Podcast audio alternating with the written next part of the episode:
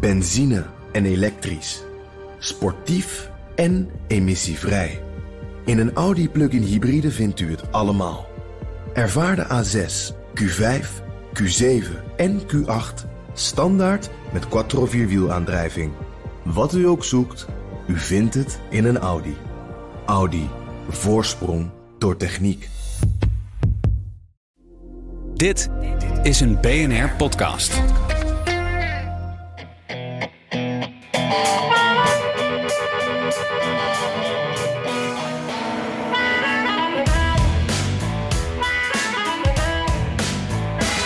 Alle aandacht was deze week gericht op de mastodonten van de Amerikaanse politiek. Joe Biden, 81 jaar, Donald Trump, 78, die beide een electorale overwinning binnenhaalden, maar met een rafelrandje. En op Mitch McConnell, 82 jaar, die zijn aftreden als senaatsvoorzitter aankondigde.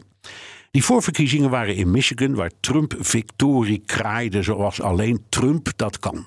This November, the great state of Michigan is going to tell crooked Joe Biden, You're fired. Get the hell out of here. Biden is niet zo uitbundig en hoewel hij comfortabel won, lieten veel democratische kiezers hem vallen vanwege zijn Midden-Oostenbeleid. En dan die andere mastodon, Mitch McConnell, die sinds de opkomst van Trump als fractievoorzitter in de Senaat op zijn eigen wijze probeerde iets van het traditionele republikeinse karakter overeind te houden. Die strijd geeft hij op, al houdt hij vast aan zijn zetel. We gaan het allemaal over hebben en natuurlijk ook over CPAC, het knalfeest van rechts en de geruchten over Trumps running mate. Dit is aflevering 221 van de Amerika podcast. Mijn naam is Bernard Hammelburg met een bak verse koffie in de studio onder het wakend oog van Wesley. Ja, en ik ben Jan Posma aan mijn eettafel in Washington. Ook met een lekkere beker verse koffie kan ik ook wel gebruiken. Het was zo'n week met allemaal nieuwtjes door elkaar. Dus ik zit hier met kleine oogjes. En Laten we even beginnen met het leukste nieuws van deze week. Want uh, ik mag wat moois aankondigen. In het najaar gaan we met onze collega en bekende Amerika-kenner Leila Frank een theatertour doen. Crisscross door Nederland. Uh, onderwerp lijkt me duidelijk. De verkiezingen, alles daaromheen ook. Het is een samenwerking tussen BNR en het Haas College. We noemen het de Amerikaanse verkiezingsshow. En we treffen het, Bernard, want Leila is letterlijk net uit Amerika in Nederland uh, geland. Die moet nog een beetje wennen aan de Nederlandse regen, volgens mij. Uh, ik heb vorige week nog heel gezellig met haar en ook Barbara gegeten. Het was het weer ietsje beter in Washington. Nu is ze bij jou in de studio. Dus een beetje een Oprah-moment dit. Uh, Leila, welkom en heb je een mooie trip gehad? Ik heb een fantastische trip gehad, Jan. Um, en, en ook een hele mooie landing, want het voelt toch een beetje alsof ik hier een heiligdom intreed in, in deze podcast. En uh, heel erg veel zin om met jullie het theater in te gaan dit najaar. Um, wat gaan we eigenlijk doen, Jan? Zal ik daar eens iets over vertellen? Ja, doe dat dus. Ja, leuk. Ja, want we gaan een aantal dingen doen in die Amerikaanse uh, verkiezingsshow. En uh, het eerste wat we gaan doen is jullie eigenlijk meenemen op reis. Dus jij reist lustig dat land door. Dat doe ik ook. Nou, net ook weer zes weken geweest. En we komen in alle uithoeken van dat land, spreken Amerikanen van elk allooi. Um, en die ontmoetingen geven altijd zo ongelooflijk veel informatie over de stemming in het land, over wat mensen bezighoudt en ook wat dat nou betekent voor die verkiezingen. Dus we nemen bezoekers mee langs die ontmoetingen en elke keer geeft het zoveel informatie. Nu ook weer bijvoorbeeld. Uh, dan sta je ergens aan een bar en dan raak je diep in gesprek met republikeinen die mij haarfijn kunnen uitleggen waarom niet Donald Trump de bedreiging is voor de democratie, maar de instituten en Joe Biden. Of hè, democraten die je dan mm. spreekt die eigenlijk uit het diepst van hun ziel met zoveel pijn en emotie uitleggen waarom ze zo teleurgesteld zijn in die democratische partij en dat het dan toch weer Joe Biden is. En al die ontmoetingen die jij en ik hebben, al die plekken waar we geweest zijn, die nemen we mee het theater in. Wat gaan we eigenlijk nog meer doen, Jan? Ja, dat klinkt wel goed. Ja, uh, nou, we gaan al die mooie verhalen dus, dus delen. En dit zijn een beetje eigenlijk de gezichten wat jij omschrijft en de verhalen achter de headlines eigenlijk. Hè? Want we horen dan die peilingen en dan denk je van, nou ja, het zal wel. Wij hebben dan met de mensen gesproken die uitleggen waarom ze dat vinden. En waarom ze misschien toch wel op Trump of toch wel op Biden gaan stemmen. ik ga dat via een videoverbinding met jullie delen. Met het, het laatste nieuws from the campaign trail, zullen we maar zeggen. En jij en Bernard natuurlijk op het podium. En dan mogen mensen ook vragen stellen natuurlijk, Bernard. Ja hoor. Uh, dat is eigenlijk, uh, denk ik, het leukste deel hoor. Want uh, mm-hmm. dat, dat, herinner ik me uit vorige theatertours die ik over dit onderwerp heb gedaan. Ik zie mijn eigen rol op twee manieren. ik kan nogal wat ervaring met je delen. Want ik ben op Noord-Dakota na in elke staat van de Verenigde Staten geweest. In de loop van de ah, jaren. Je hebt ook veel miles liggen daar. Nou, nou, nou, nou. en ik, ik, ik, ik kan een beetje perspectief geven. Dus dit is mijn twaalfde ronde in de Amerikaanse verkiezingen. Mijn eerste was Carter, hmm. tegen, Carter tegen Reagan, geloof ik. Ehm, dus uh, ja, eh, eh, een beetje zo. Hè. Ik ben een, een, klein stukje ouder dan jullie, maar dat, dat heeft misschien... je, je doet niet onder voor Biden nee, en Trump. Nee, zo is dat. Laila, wat wordt de meest gestelde vraag in het publiek? Uh, is dit nou het beste wat Amerika te bieden heeft? Ja. Ja, dat, die krijg ik zo vaak. Ik, ja. ik vermoed dat die, die ook niet snel verdwijnt. Nee, dat is ook zo. Vandaar dat deze, mhm. deze aflevering van de podcast heet niet voor niets de oude, de oude mannenshow. ja, en, en, en je hebt helemaal gelijk. En, en Jan, wat zie jij als uh, meest gestelde vraag? Ja, wat ik toch echt heel vaak te horen krijg, het is een beetje een tweetrapsvraag. Uh, uh, wordt het Trump en wat gebeurt er dan uh, met ons eigenlijk in Europa? Hè? Gaat Amerika ons dan niet meer beschermen? Wat als Rusland nog vervelender wordt? Waar staat Amerika dan? Ja, de, de dingen waar we ons in Europa natuurlijk terecht ook wel zorgen om kunnen maken. Ja, terecht, want het betekent natuurlijk heel veel voor Europa, de rest van de wereld, ook voor Nederland. Uh, dus uh, nou ja, uh, we hebben een hoop te bespreken. Ja, en als je hierbij wil zijn, uh, we komen in nou, zo'n stuk of twaalf theaters. En de theateragenda kan je vinden op de volgende link. Let op haagscollege.nl slash USA verkiezingsshow. En Haags is op zijn klassiek gespeld, op zijn Hammelburg zou ik zeggen, dus met SCH. Ik herhaal het nog één keer. haagscollege.nl slash USA verkiezingsshow. Ja, chic uh, gespeeld. Hè? En om uh, maar even in Amerikaanse reclametaal te blijven. There is more. Uh, aanstaande dinsdag is het natuurlijk Super Tuesday. Dat had iedereen al in zijn agenda omcirkeld. en dan nemen wij alvast een voorproefje. Dat gaat gebeuren in perscentrum Nieuwsport in het gebouw van de Tweede Kamer. en kaartjes zijn te krijgen via de volgende link.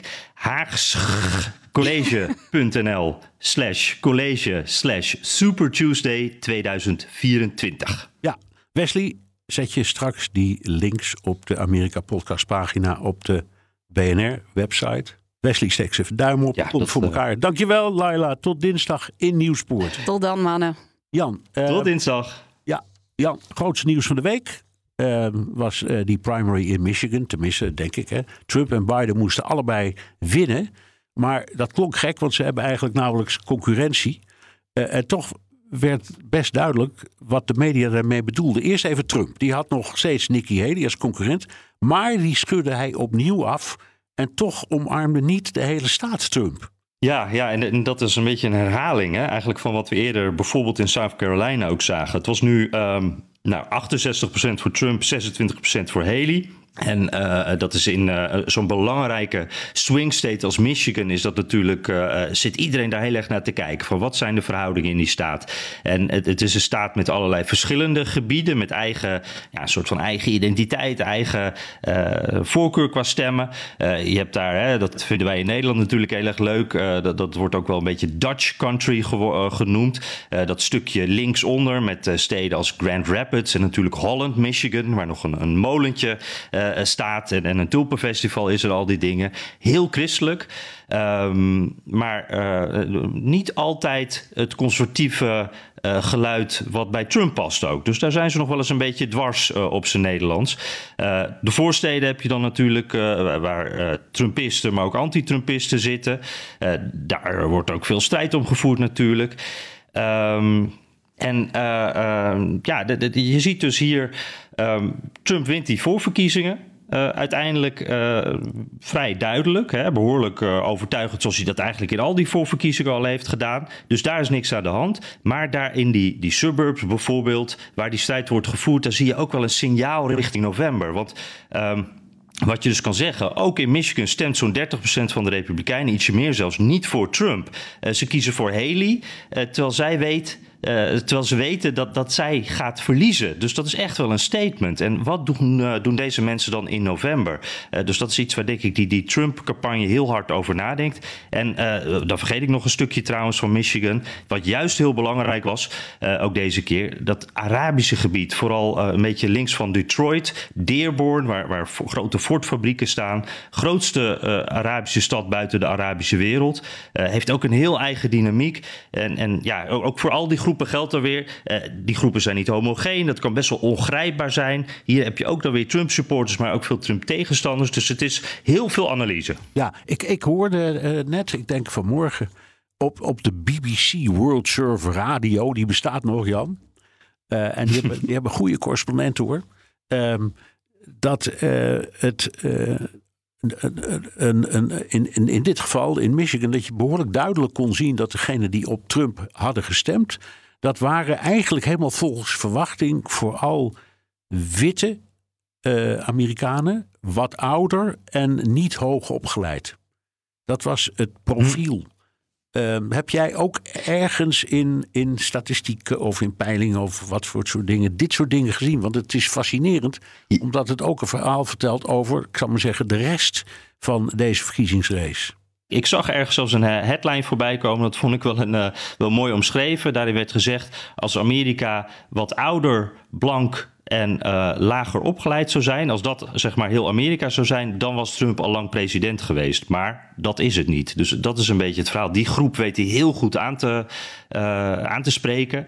Uh, maar daarbuiten is het dus, nou ja, dan moet hij nog wel wat werk verzetten. Ja, um, en dan, ja, je had het al over, over de karakteristiek en al die, die delen van Michigan die toch heel uitgesproken zijn. Um, en ik, ik wil eventjes eh, door eigenlijk op wat je zei over dat, ik zou zeggen, Arabische gebied, uh, Dearborn, die, die, hmm. die stad. Um, ik heb er ooit een tijdje gezet. Ik heb ooit eens een keer een film over gemaakt. Um, ook omdat uh, het zo opmerkelijk was dat er. Um, het is echt een Arabische stad. Met waar, nou ja, de straatbordjes in het Arabisch, alle, alle uh, namen van winkels in het Arabisch op de ramen. mensen in uh, ik zou maar zeggen, traditionele Arabische uh, kleding. Um, en uh, hm. de vraag die, die we toen stelden in, in die film was: um, hoe, hoe kan het dat in zo'n typische Arabische omgeving de, de, misdaad zo laag is? Het klinkt heel racistisch, maar het was ingegeven hm. door. Um, de, door een Nederlandse opdrachtgever. De, die had toen nog een moslimomroep in Nederland. En dat was de opdrachtgever voor die film. Mm. En die zei: Ja, hier, hier in Nederland en in de rest van Europa worden uh, moslims allemaal uh, gezien als één grote misdadigersbende. En er is natuurlijk ook heel veel rottigheid. En daar in Dierborn nooit. Ga eens nou eens uitzoeken hoe dat komt. En dat hebben we dus in die, mm. dat hebben we dus in die film gedaan. Uh, het was best een interessant verhaal ook, Jan. Want het antwoord was heel simpel, omdat ze zeiden: als je naar Amerika komt, dan kom je daar niet voor de sociale voorzieningen, zal ik maar zeggen. Uh, je, hm. weet, je weet dat je, je, je moet aan de slag. Uh, en als dat lukt, nou, dan, dan red je je. En die hebben ze, ze hebben daar dus in die stad een, een, een, een soort van uh, eigen sociale dienst. Die, die heeft niks te maken met, met de echte sociale dienst. Maar dat is een geheel door Arabieren Amerikaanse Arabieren kun je zeggen. Gerunde organisatie, daar kun je je melden als immigrant. En die zorgt voor alles. Die zorgt voor huisvesting, die helpt je zoeken naar een baan. Die zorgt dat je verzekerd bent en al dat soort dingen. En dat doen ze niet uh, op kosten van de overheid. Dus er komt geen rekening naar de gemeente. Er komt geen rekening uh, naar uh, Washington. Dat gaat allemaal ehm, via giften. Dat, hebben een heel donorsysteem. Ehm, dus, eh, en, en die mensen die, die komen daar dus uh, met golven, al, al, sinds 1870. In verschillende golven zijn ze daar hm. aangekomen. En die zijn allemaal binnen de kortste keer aan het werk, meestal in de Ford-fabriek. Dus ze hebben het goed. Ze worden goed betaald. Ja. Kinderen gaan naar school. dus er zijn bij, sociaal bijna geen spanningen. Maar ze hebben natuurlijk wel opvattingen. En dat is wat er nu speelt, Jan. Dat zul je ongetwijfeld ook hebben gezien en gehoord uh, die groep die stemt traditioneel democratisch. Maar uh, nu in de, in, de, in de voorverkiezingen met Biden ja, uh, haakten ze dus af. Ehm, dus die, Hmm. hebben, die hebben voor een heel groot deel niet op Biden gestemd. Eh, hè, de Democraten, als Democraten geregistreerd, maar niet op Biden gestemd, maar blanco. Dat kan, dat kan in, in Michigan. Ehm, ik heb heel veel beelden gezien, stukken gelezen. Wat heb jij daarover zo gevolgd? Eh, ik, vind het, ik kom direct nog even op terug hoor, maar jij, je hebt natuurlijk ook allemaal zitten kijken naar hoe zich dat afspeelde. Ja, ik, ik, ja, het was eh, heel interessant omdat.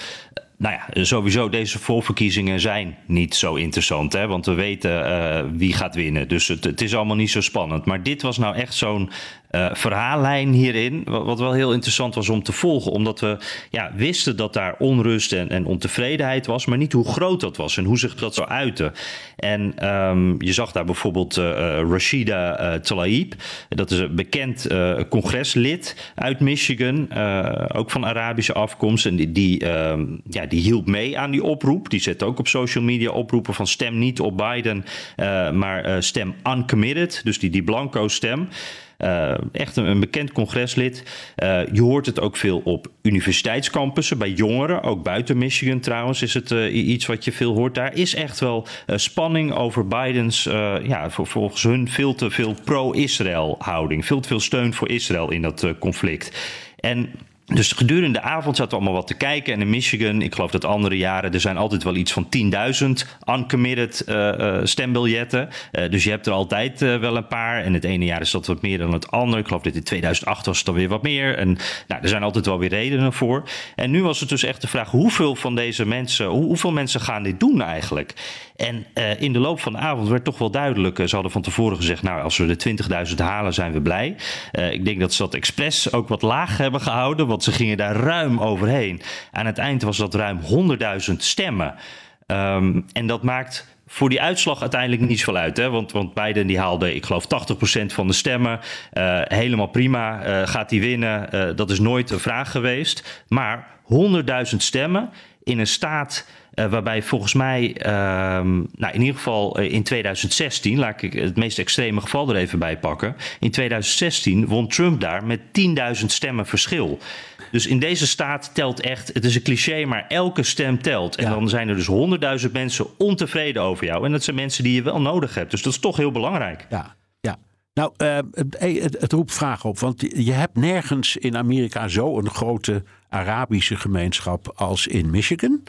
Maar eh, er zijn wel eh, grote steden, zoals Los Angeles, New York, eh, Boston, eh, Washington ongetwijfeld ook.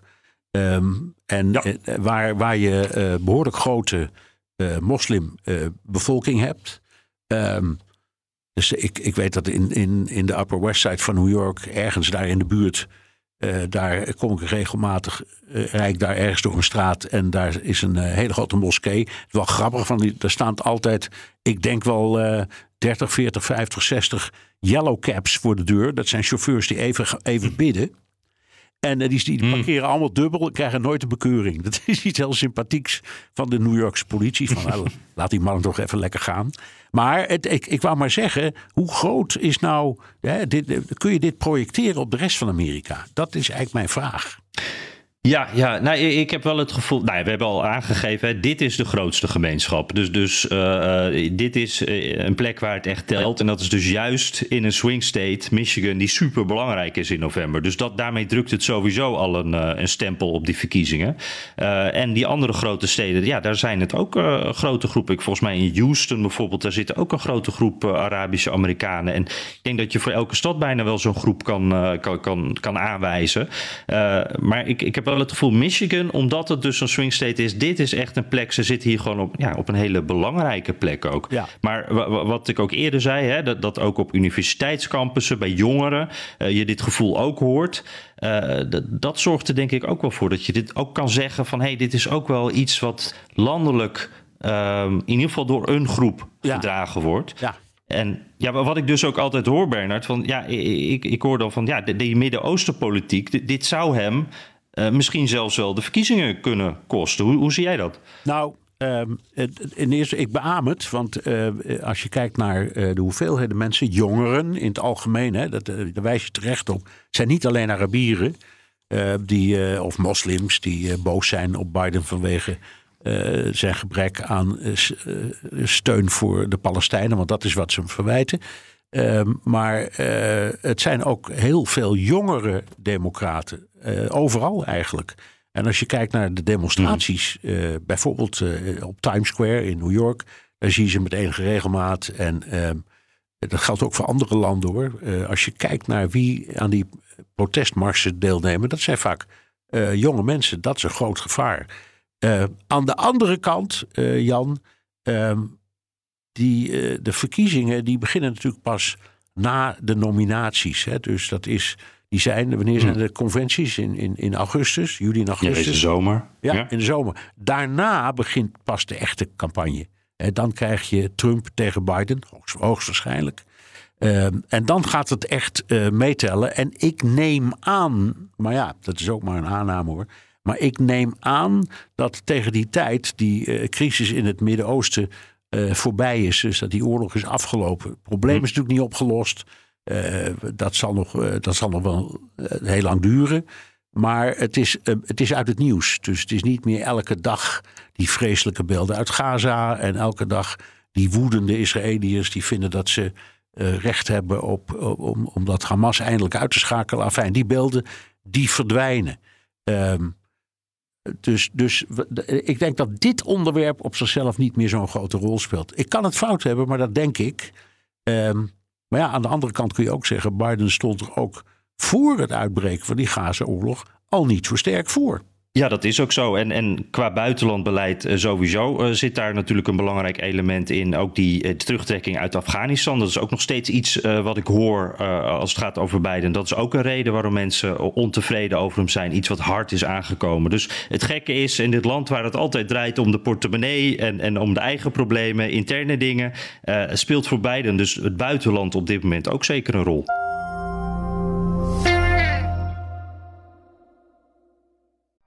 Benzine en elektrisch. Sportief en emissievrij. In een Audi plug-in hybride vindt u het allemaal. Ervaar de A6, Q5, Q7 en Q8 standaard met quattro vierwielaandrijving. Wat u ook zoekt, u vindt het in een Audi. Audi. Voorsprong door techniek. Hardlopen, dat is goed voor je. En Nationale Nederlanden helpt je daar graag bij. Bijvoorbeeld met onze digitale NN Running Coach... die antwoord geeft op al je hardloopvragen. Dus, kom ook in beweging. Onze support heb je. Kijk op nn.nl slash hardlopen. We moeten even stilstaan bij het lang verwachte aftreden van Mitch McConnell als Republikeins fractievoorzitter in de Senaat. Over oude mannen gesproken, hij is 82. En zoals hij zelf al zei, het is tijd. One of life's most underappreciated talents is to know when it's time to move on to life's next chapter. So I stand before you today, Mr. President, and my colleagues, to say this will be my last term as Republican leader of the Senate. Ja, een stukje McConnell-humor hier ook volgens mij. Weten wanneer je eh, op moet staan, wanneer je verder moet gaan eh, als je 82 bent. En dat geluid eigenlijk al heel lang te horen was. Eh, een beetje een aparte man vind ik het. Hij heeft enorme invloed gehad sowieso. Dankzij hem werd het Hoge Rechtshof conservatief. We zeggen altijd, hè, Trump heeft dat gedaan, maar McConnell heeft dat geregeld. Dankzij hem kreeg Obama jarenlang niets gedaan. Hij is een, ja, ik denk een sluwe politicus die altijd een laserfocus heeft op resultaat. Uh, vandaar dat hij bijvoorbeeld ook eerst Trump bekritiseerde vanwege 6 januari. Maar uh, toen kwam die impeachment en toen liet hij het wat weglopen. Uh, en, en vervolgens aanvaarde hij om, onmiddellijk Bidens overwinning. Of dat deed hij daarvoor al natuurlijk. Dus het is iemand die altijd heel goed kijkt. Wat zijn mijn doelen? Hoe kan ik dat voor elkaar krijgen? En met wie en hoe en op wat voor manier? Dat maakt me allemaal niks uit. Het gaat om het resultaat. Um, ik denk Trump die zal blij zijn dat hij stopt. maar tot 2027 is hij er nog wel gewoon als, uh, als senator. Ja, ja, hij dient zijn termijn uit. Uh, en gelijk heeft hij. Dus uh, het, het, het, verandert aan de stemverhouding niks. Dat is in elk geval belangrijk om te weten. Ja, en, en Jan, Jan ik, ik wil niet opscheppen, echt niet hoor. Maar ik ken hem. want ik, ik, heb in 19, ja? ik heb in 1981 eh, in Kentucky een film eh, gemaakt. En die ging over het onderwerp vermiste kinderen. Dat is in, zoals je weet, in Amerika een mega probleem. Er zijn duizenden kinderen per jaar die verdwijnen. Uh, nou ja, dat een drama. En daar, daar, heb ik een, een, film opgenomen. En die, die bijna helemaal in Kentucky. Met mensen die daar wonen en het hadden meegemaakt. En hij, McConnell, was toen uh, in, in die tijd uh, minister van Justitie in Jefferson County. Dat was een, uh, nou ja, een van de, van de grote provincies in Kentucky. Hij was bij een aantal van die opnamen en er was een groot congres waar we allebei waren. En dat heb ik allemaal gefilmd. Um, en toen kreeg ik van hem, werd ik voorgedragen door hem, tot Kentucky Colonel. En dat is een soort van, hm. ja, dat is het equivalent van een, een koninklijke onderscheiding, zeg maar, maar dan veel kleiner hoor. Maar ik was dus als, als, jong uh, beginnend uh, uh, correspondent in de Verenigde Staten werd ik plotseling verrast met ja, een soort lintje. Door, en, en dus, dus, toen heb ik Mitch McConnell leren kennen. Dat is hij ongetwijfeld vergeten, maar ik niet. Dus elke keer als ik hem zie en hoor, ja, dan, dan denk ik: oh ja, dat was toch wel een heel avontuur wat ik toen heb beleefd. Ja. Nou ja. Oh, wat grappig. En, en voor hem, hij was toen eh, ook een beginnend uh, politicus eigenlijk. Hè? Want hij, hij uh, ging een paar jaar daarna ging hij, uh, de, de Senaat in. hij heeft daar volgens mij ja, bijna 40 of ja. ongeveer 40 jaar gezeten. Hij, hij is, hij is van, van, van die, die functie als lokaal minister van, van Justitie... is hij in één keer in 1984 gekozen tot lid van de Senaat. En dat is hij dus nog steeds. Dus uh, ja, het is echt iemand die. Hij zit er al een tijdje, zou ik maar zeggen. Hè? En, en Bernard, die, die McConnell, hè, die, die heeft als bijnaam de Turtle, omdat hij uh, vrij langzaam beweegt. En je hoort het ook al wat, wat langzaam praat. Uh, hoe was dat toen? Want toen was hij ook een jonge fan natuurlijk. Uh, praatte hij toen ook al zo langzaam? Was hij toen ook al de Turtle? Of was het eigenlijk een beetje de, een wat jongere, snellere versie van nee, zichzelf? Hij, hij bewoog zich wat sneller. Maar hij sprak toen ook langzaam. En je moet niet vergeten, hij heeft volgens mij polio gehad in zijn jeugd. Dus ja, het is, dat klopt, het, is niet klopt, helemaal. Ja. Ik bedoel, we kunnen makkelijk roepen van. Kijk, dat, uh, dat oude stramme mannetje. Maar je kunt ook zeggen, nou, dat je zo op je 82ste nog dit nog kan met die achtergrond mm. is overgeklapt. Maar goed, uh, we, we, we, gaan hem missen in die functie. Dat weet ik zeker. Man. Weer één, één waar we wat minder Democraten ook, denk ik. Want uh, we weten niet wat er voor terugkomt. Nee, hè? zo is dat. hey, Jan, nog even uh, één ding. Um, wie gaat Trump kiezen als running mate? Ja, jij was op de periodieke ultraconservatieve CPAC. Dat is dat, dat, dat knalfeest voor ultraconservatieven. Um, en dat, ik, ik vind het altijd een beetje een soort sectebijeenkomst met Trump als de, als de verlosser. Is dat ook een beetje zo? Ja, dit, ik moet nu oppassen wat ik zeg. Want meerdere mensen die ik gesproken heb zeiden... wij gaan de Amerika-podcast luisteren. Waaronder ook een paar uh, Nederlandstalige Canadezen. Dus uh, ik pas een beetje op. Maar je, nee, je hebt helemaal gelijk. Trump is echt de onbetwiste leider. Het, het, was, vroeger was dit voor conservatieven. Nu is het echt voor Trumpisten eigenlijk. hij, hij wordt nou, de verlosser. Dat is niet eens overdreven. Dat is ook hoe hij er zelf over praat. in bijbelse termen. November 5th will be our new Liberation Day, but for the liars and cheaters and fraudsters and censors and imposters who have commandeered our government, it will be their judgment day. Their judgment day. Ja, Judgment Day. Dit was uit Trumps uh, toespraak op CPAC. Dat is het traditioneel het hoogtepunt uh, van die drie dagen daar. Daar komt echt iedereen voor. Zaal zat helemaal vol. Um, ja, en, het, was, uh, het was voor die mensen ook echt een, het hoogtepunt van het weekend om Trump te kunnen zien en te kunnen horen. En uh, ze hingen aan zijn lippen. En, en Trump, die, ja, het was wel opvallend, hij noemde Nikki Haley al niet meer. Hij sprak op de dag dat de South Carolina, of wat zeg ik, ja, de South Carolina primary was. Um, en uh, ja, de, Nikki Haley die, die, die, kwam al niet meer in de speech voor. Hij ging meteen door naar Biden. Uh, die zette hij neer als een communist, als een fascist. Uh, hij schetste een heel donker beeld van waar Amerika nu staat onder Trump. En een belangrijk onderdeel daarbij was weer immigratie. En, en, Trump die waarschuwde specifiek voor criminaliteit die immigranten volgens hem het land inbrengen. hij zei dat daar een nieuwe categorie van crime zal ontstaan, migrant crime. En uh, ik, ik, merkte dat dat ook enorm resoneerde daar bij de bezoekers. Uh, er was iemand die zei van ja, ik woon zelf in Virginia. Ze wonen in een voorstad van, uh, van Washington. Ik kijk nu of ik een pistool moet kopen. Want die bendes die gaan komen. Dat was echt een gevoel wat bij een deel van die ja, Trump-supporters, CPAC-bezoekers daar, daar leefde. echt wel angstig. En uh, nou ja, verder alle onderwerpen die, die je kent. Het christendom dat onder vuur ligt. De, de rechtszaken tegen Trump waren belangrijk. Um, dat Biden daar ook uh, de oorzaak van is. Uh, verkiezingsfraude kwam ook weer terug. hoorde je bij een he hele hoop sprekers terugkomen. Carrie Lake was ook een van de belangrijke sprekers. Wat natuurlijk iemand is die, die ook nog steeds strijdt tegen haar eigen laatste verlies.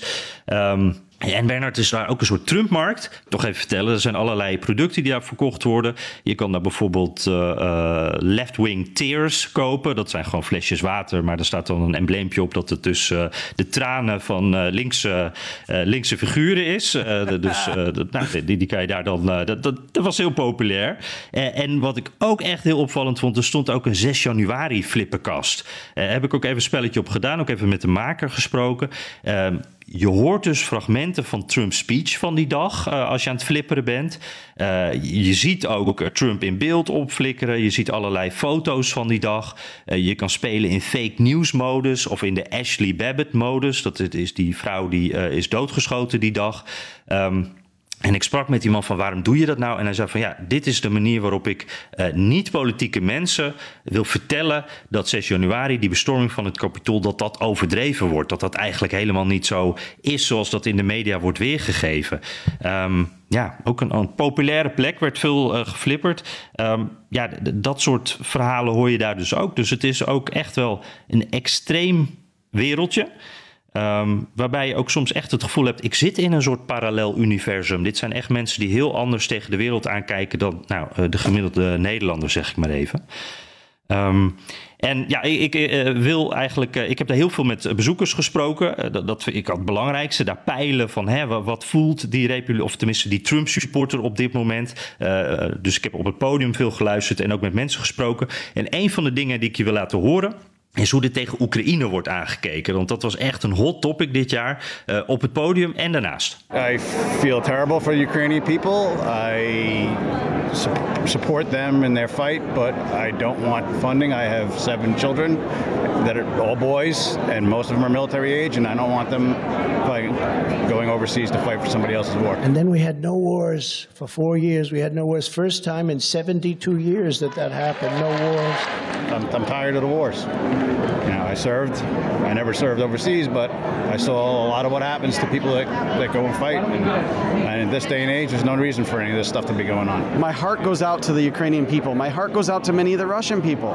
They're under some of this, some similar circumstances. There's oppression throughout the world, but America is not in a position to play God and we don't have the money. And I'm tired of our Congress treating our credit card as if it's some unlimited thing. Our European allies, which consist of some very wealthy nations, underspend on their own defense because they dupe you into paying for much of it.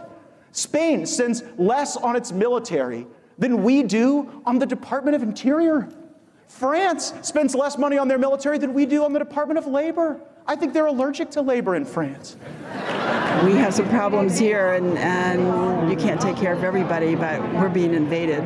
we're being invaded too, just not violently. Well, not directly violently, uh, but yeah. So I say, you know, want to help, but I would also say I think the Europeans need to step up first and foremost. Ja, Europa is aan zet, dat zeggen ze hier. Uh, je hoorde ook, hè, wij worden uh, binnengevallen. Nou, dan hebben ze het over de problemen aan de grens.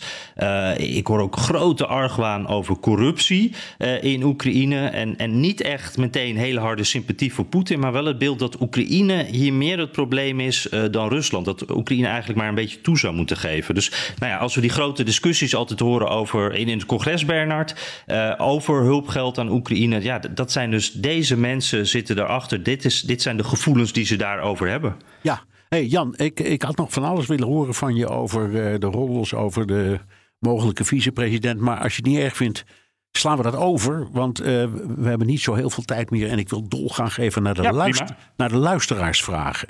Eh, hè, die, die zijn welkom via de mail of via de Amerika Podcast WhatsApp.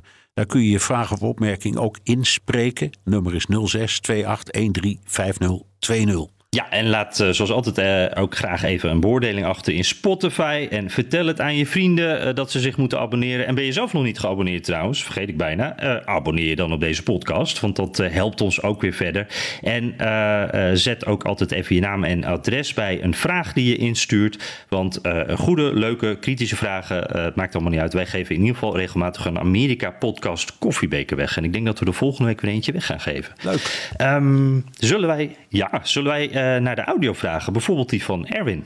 Ik luister altijd met veel plezier naar jullie podcasts, vaak in de auto. Maar in dit geval midden in de nacht na de overwinning van Trump op Nikki Haley in South Carolina, in de Republikeinse voorverkiezingen. Wat is het toch fascinerend dat een man met zoveel schandalen, rechtszaken en uitspraken over Rusland, Navalny en Poetin zoveel mensen blijft aanspreken in Amerika.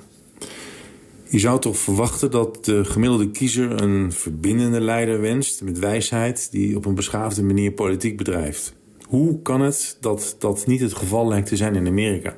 Ja. eh, Nou ja, ik, er is van alles over te zeggen. En je, eh, maar het eerste wat ik denk is dit.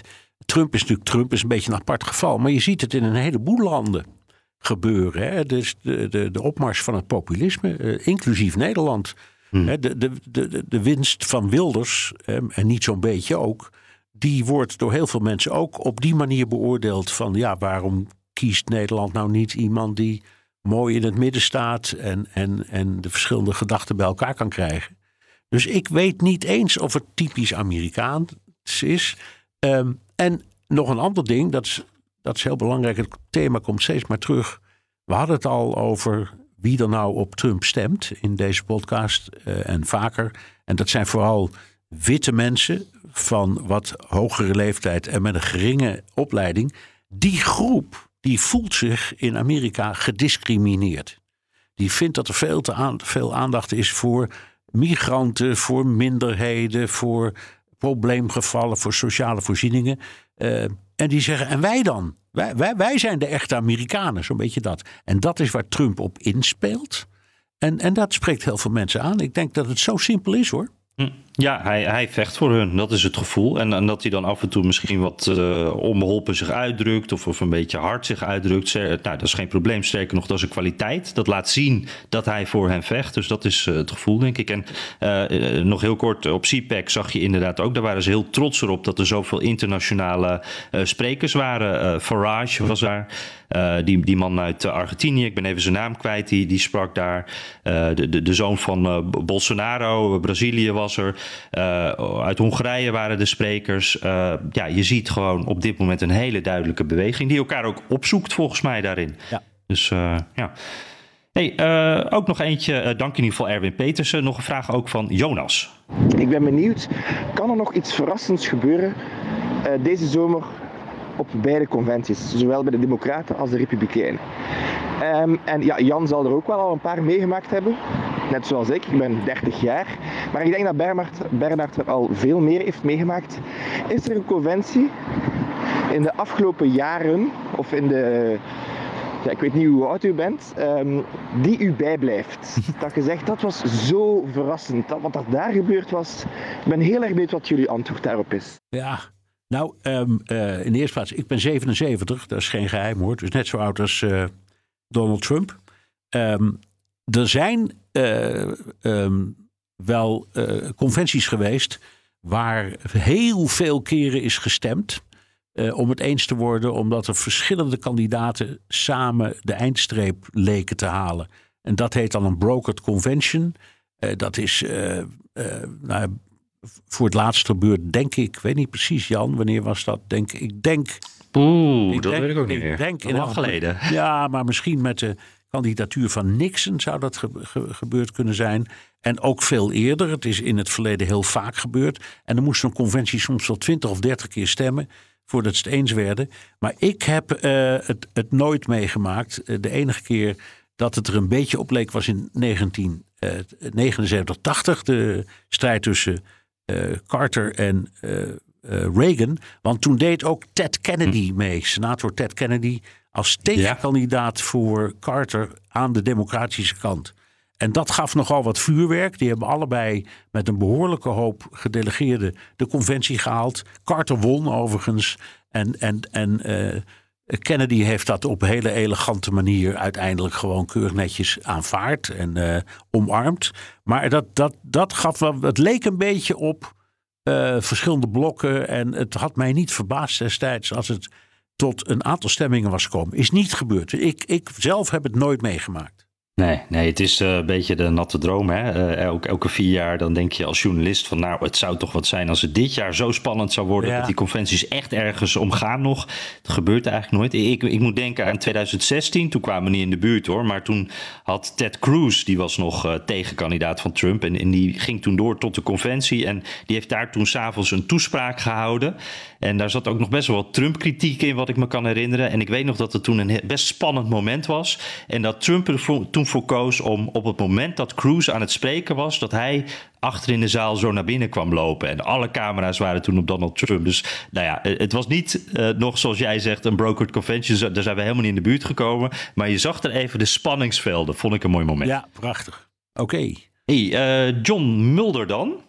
Eh, die zegt, eh, als Trump de kandidaat van de Republikeinen wordt, dan maakt Biden een grote kans om opnieuw president te worden. Als Haley kandidaat wordt, krijgt Biden het moeilijker. Is het denkbaar dat de Democraten achter de schermen Trump helpen? Eh, dat betwijfel ik. dat is een goede vraag hoor trouwens. Dit is, bijna wiskundig bedacht. Ehm, ik, ik kan het me niet voorstellen. Maar ik, ik steek mijn hand nergens voor in het vuur in zo'n verkiezingsstrijd. Maar dat je denkt dat democraten dus zeggen... Haley moet van het toneel verdwijnen. Want als die het zou worden, dan ver- verliest onze Biden. Dus laten we stiekem Trump maar eh, steunen. Want dan kan Biden van hem winnen. Ja, ik vind, ik vind het knap bedacht. Ik weet het antwoord echt niet. Nee. Nee, ja, we hebben de laatste jaren wel gehad dat lokaal eh, democraten wel eens iemand een beetje geholpen hebben. Eh, of in ieder geval die suggestie deden. Maar ik, ik denk altijd ook, eh, eh, careful what you wish for. ja, het is een heel gevaarlijk spelletje zou het zijn. Ja. Dus ik, ik denk dat ze daar heel voorzichtig mee zullen zijn. Ehm, maar eh, dank eh, John Mulder. Ziet ze dan, die zegt... eh, de gouverneur van Wisconsin heeft een wet aangenomen... die gerrymandering tegenwerkt. Moet komende verkiezingen eerlijker maken. Dat gaat om de vorm van kiesdistricten. Hè? De, hoe je die vormt, kan je ervoor zorgen... dat het in het voordeel van democraten of republikein is. Denken jullie dat meerdere staten kunnen volgen... in het veranderen van die eh, eh, gerrymandering eh, regels, die kiesdistricten? Zou een enorm verschil kunnen maken in electorale verhoudingen? Ja, heeft hij gelijk. Wat denk jij? Ja, ik, volgens mij het is op allerlei eh, plekken is, is dit gaande. Hè? Dit is een constante strijd. New York eh, heeft net ook eh, wat veranderd. Dit is, ik denk jarenlang zijn republikeinen hier slimmer in geweest. Eh, democraten die, die proberen het nu ook en doen het nu ook. Dus dit is een soort constante, een soort beetje touwtrek aan beide kanten. Ja, ik denk het ook. Ik, volgens mij zet het wel een beetje door. Het is ook goed, vooral voor de minderheden. Want die zijn vaak de pineut in, in het verdelen van districten. Dus ja, nou, wie weet. Eh, ja, precies. Jan, ik kijk naar de klok. Eh, Heb je er nog één? Laten we hiermee afronden. Nee, Of ja, kan ik er nog ja, eentje? Nou, doe, we- doe er nog één, ja. Nou, Martijn Lucas, zit jij er nog net in? Ehm, die, zit, eh, ja, die zegt van ja, als je kijkt naar de popular vote. Ehm, dan, eh, ja, eh, als je die zou volgen, dan zouden de Republikeinen maar één keer die verkiezingen hebben gewonnen de laatste jaren. Ehm, zouden staten zelf kunnen bepalen of hun kiesmannen volgens winner takes it all principe gaan of eh, niet? De Democraten zouden daar voordeel bij kunnen hebben en dan zouden dit langzaam kunnen proberen te veranderen. Ja. Vanuit de staten zelf. Ja, nou, Ja. Dat zou in principe, het principe is het antwoord ja. Alleen ik zie het niet gebeuren. Er al die staten hebben hun eigen. Er zijn, je, je hebt twee staten, en Maine en Nebraska, die ongeveer dat systeem hebben. Die ver- verdelen het evenredig. Maar eh, alle andere staten hangen toch echt aan dat winner takes all principe. Dus ik zie het niet veranderen. Denk ik ook. Eh, voor ons lijkt het als buitenstaanders zo logisch. Hè? Maakt het wat eerlijker. Maar van binnenuit eh, spelen allemaal eh, krachten een rol. hey, eh, laten we hem daarmee dan afsluiten. Bernard, Amerika Podcast. Terugluisteren kan via de BNR-site. Eh, Apple Podcasts en Spotify. Heb je vragen, opmerkingen, kritiek of complimenten? Dan kan dat ook met een tweet naar Jan Posma USA of BNR De Wereld of heel ouderwets met een mailtje naar dewereld.bnr.nl. En je kunt ook je vraag inspreken of intikken op de Amerika Podcast WhatsApp 06 28 13 50 20. En uh, zet je naam en adres natuurlijk uh, bij de vraag. Ding je mee naar die mok. Uh, vertel iedereen over onze podcast. Abonneer je op deze podcast. Abonneer anderen op deze podcast. En natuurlijk koop kaartjes voor onze Super Tuesday event komende dinsdag. dan zien wij elkaar weer, Bernard. Oké, okay, tot dinsdag Jan. Tot dinsdag.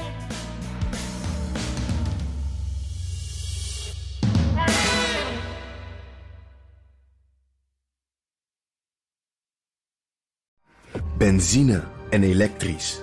Sportief en emissievrij. In een Audi plug-in hybride vindt u het allemaal. Ervaar de A6, Q5, Q7 en Q8 standaard met quattro vierwielaandrijving. Wat u ook zoekt, u vindt het in een Audi. Audi. Voorsprong door techniek.